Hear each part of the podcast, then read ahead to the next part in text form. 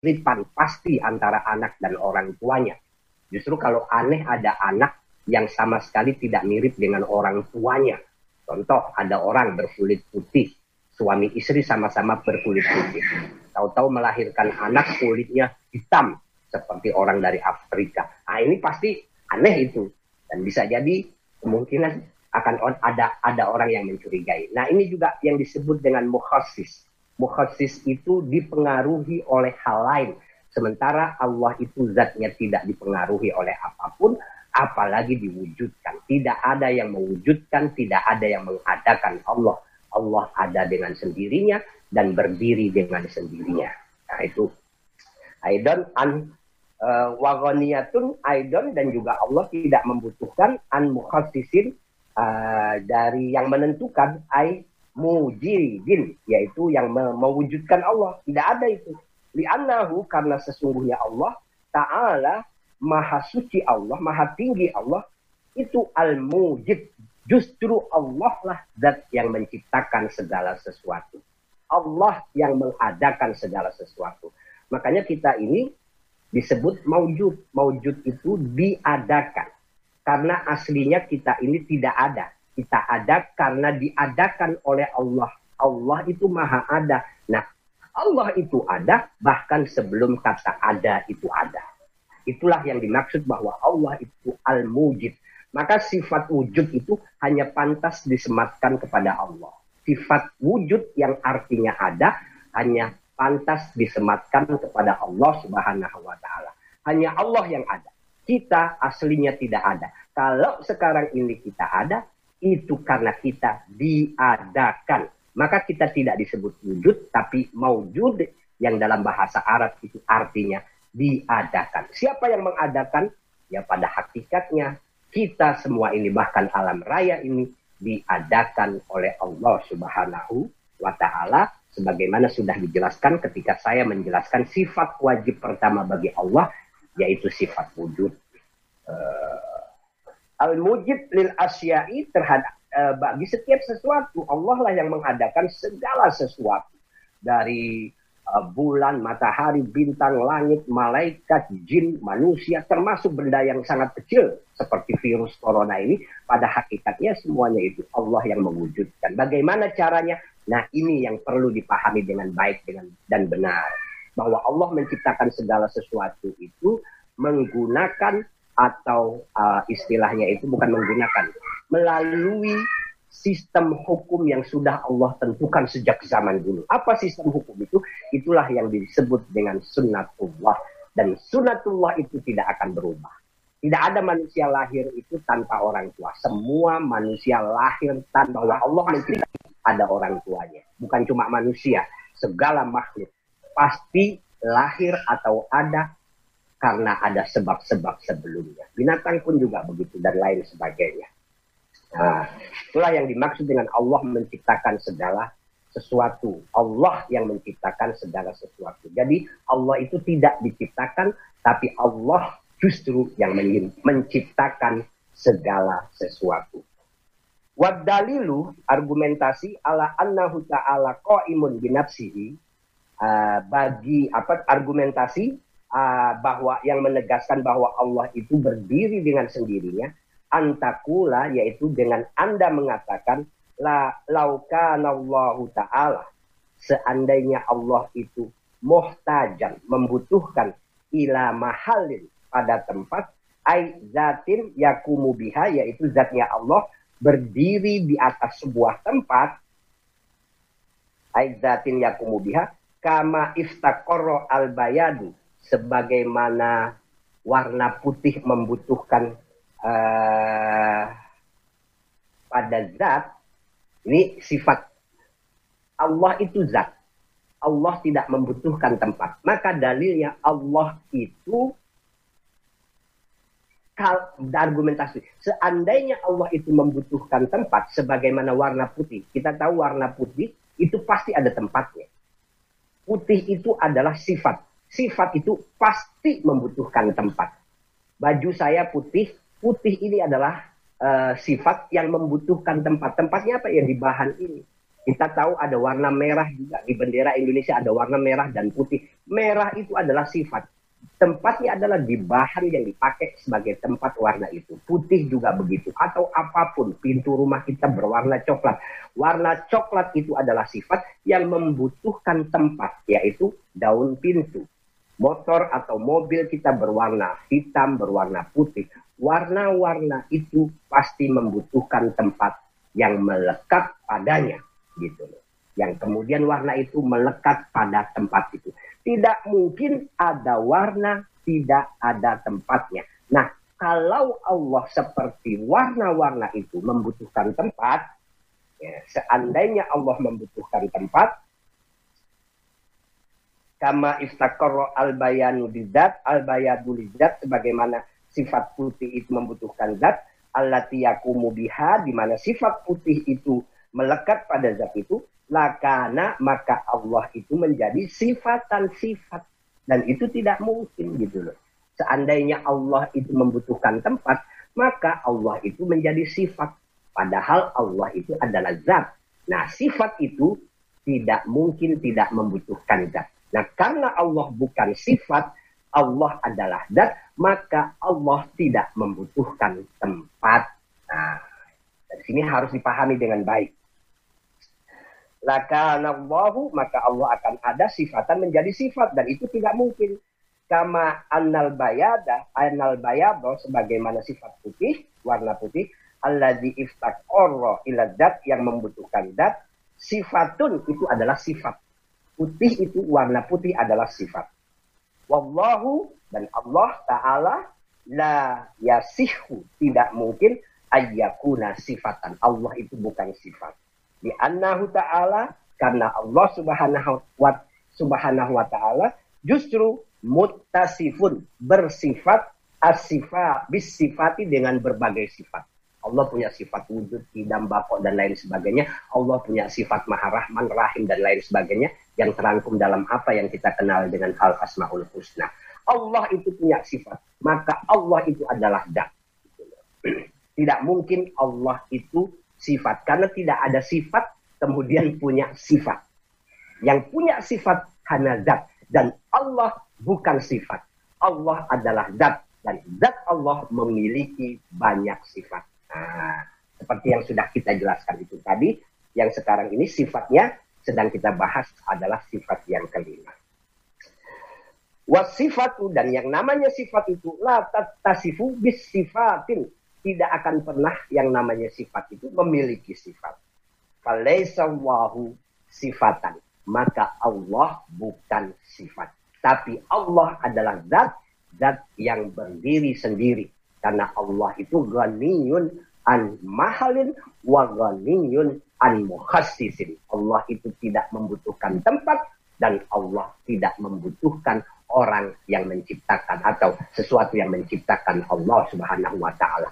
Allah zat berdiri dengan sendirinya. Itulah makna qiyamuhu binafsihi. Kita lanjutkan. Walawif takoro.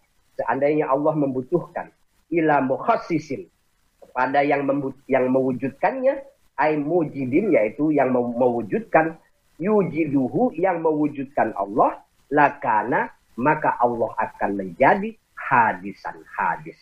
Seandainya Allah itu membutuhkan mukhassis yaitu yang men, yang yang yang yang menciptakan Allah, yang mewujudkan Allah, maka Allah itu tidak bersifat uh, apa namanya kidam, tapi bersifat hadis baru.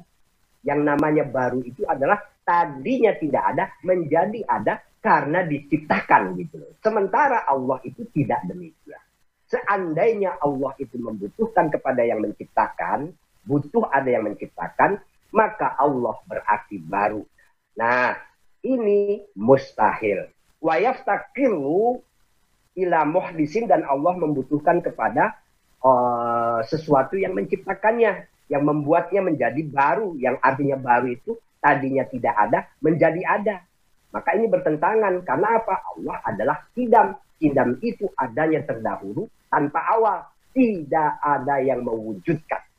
Bedanya kidam dengan hadis itu jelas kalau kidam itu artinya ada sejak awal. Tidak ada awalnya. Ada sejak dulu, tidak ada awalnya. Sementara hadis itu adanya ada awalnya karena diciptakan. Maka segala sesuatu yang adanya ada awalnya itu disebut hadis. Sementara Allah itu kidam.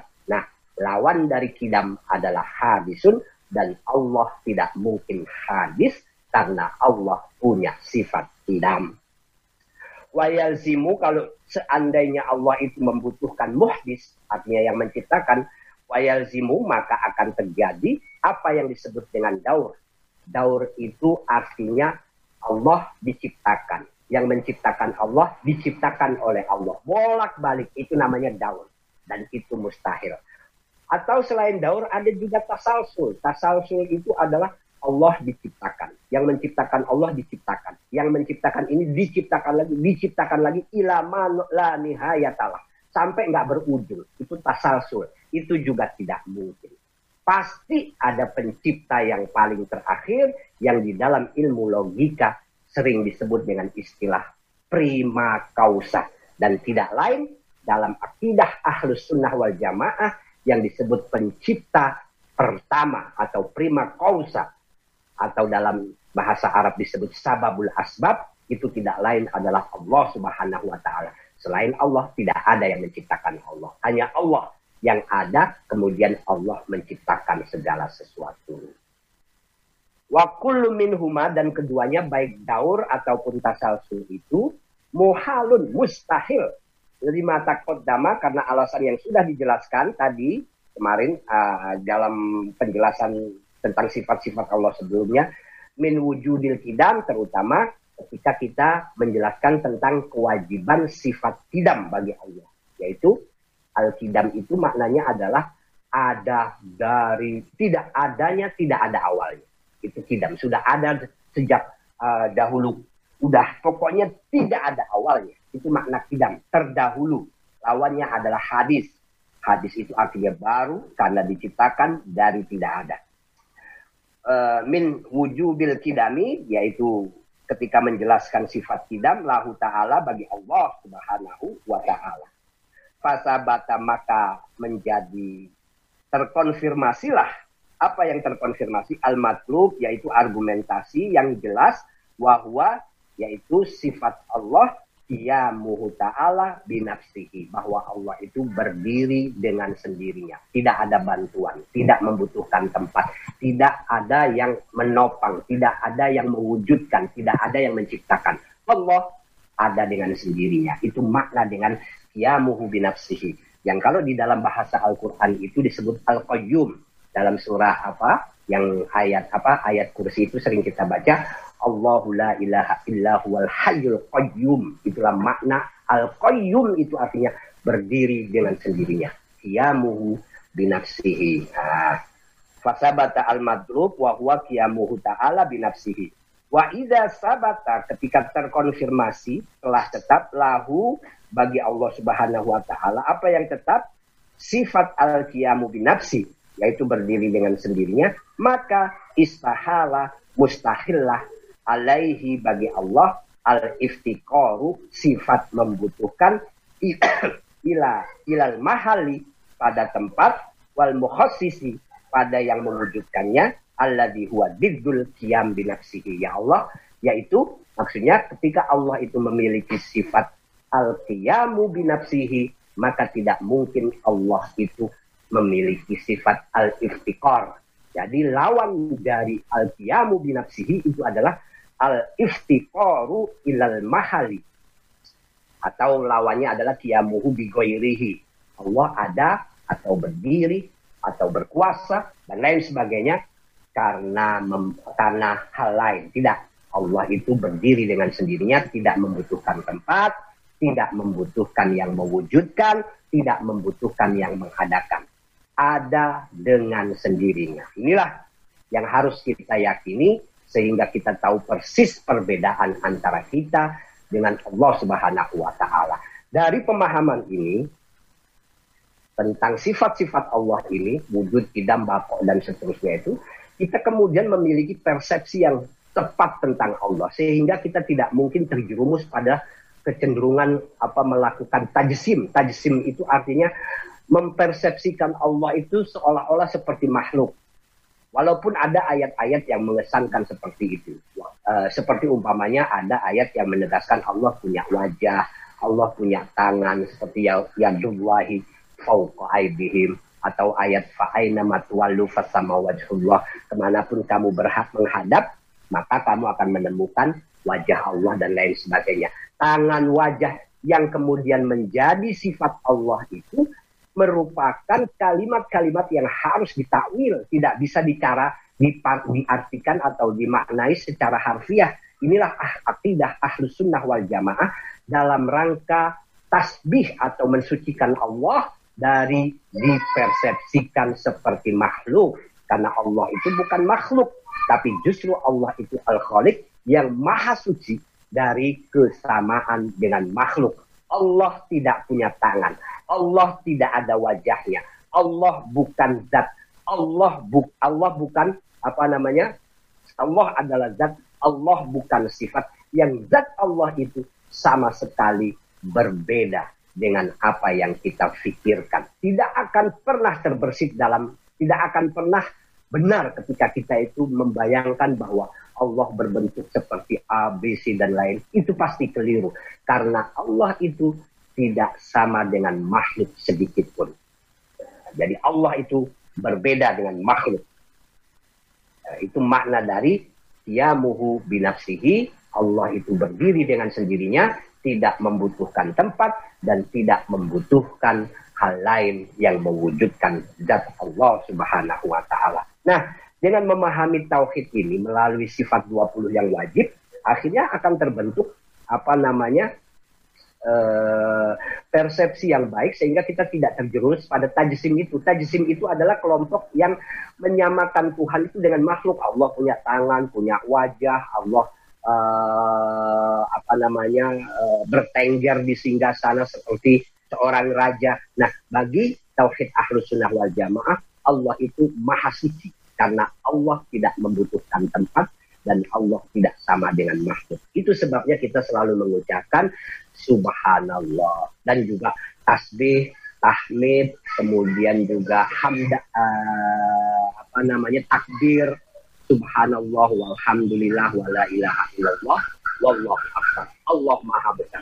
Jadi kalau kita sudah memahami tauhid, memahami sifat 20 ini, ucapan tasbih, tahmid, takbir, dan tahlil kita itu kualitasnya akan berbeda dibanding orang yang mengucapkan itu semua tapi tidak memiliki um, pemikiran atau pemahaman yang baik tentang ilmu tauhid. Inilah yang menjadi apa namanya konsen para ulama kita yang kemudian mengapa kita diajarkan ilmu tauhid terutama di pesantren-pesantren supaya kita itu tidak keliru dalam mempersepsikan Allah, kita tidak terjerumus pada tajesim, tidak terjerumus pada apalagi menyamakan Allah dengan makhluk lainnya.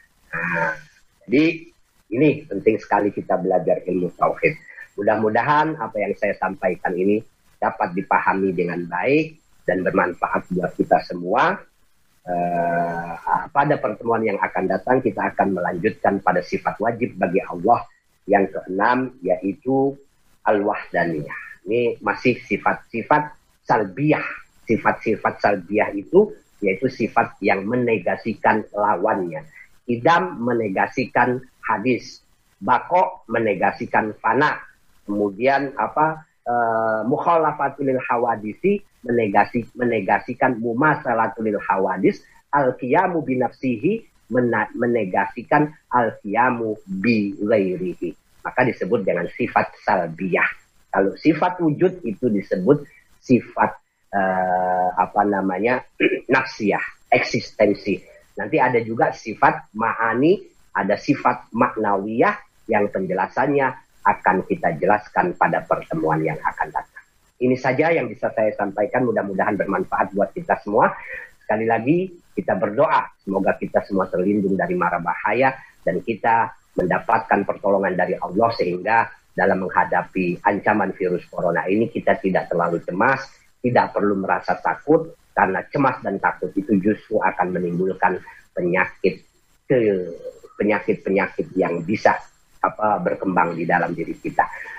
Hadapi dengan kepasrahan, dengan tawakal bahwa segala sesuatu terjadi berdasarkan ketentuan Allah Subhanahu wa taala. Yang terpenting kita sebagai manusia itu adalah wajib melakukan ikhtiar mengikuti protokol kesehatan yang sudah dijelaskan oleh pakar kesehatan. Mudah-mudahan sekali lagi Allah melindungi kita semua, keluarga kita, dan siapa pun yang ada di muka bumi. Kurang lebihnya saya mohon maaf. Wallahul muwafiq ila aqwamit thoriq. Wassalamualaikum warahmatullahi wabarakatuh.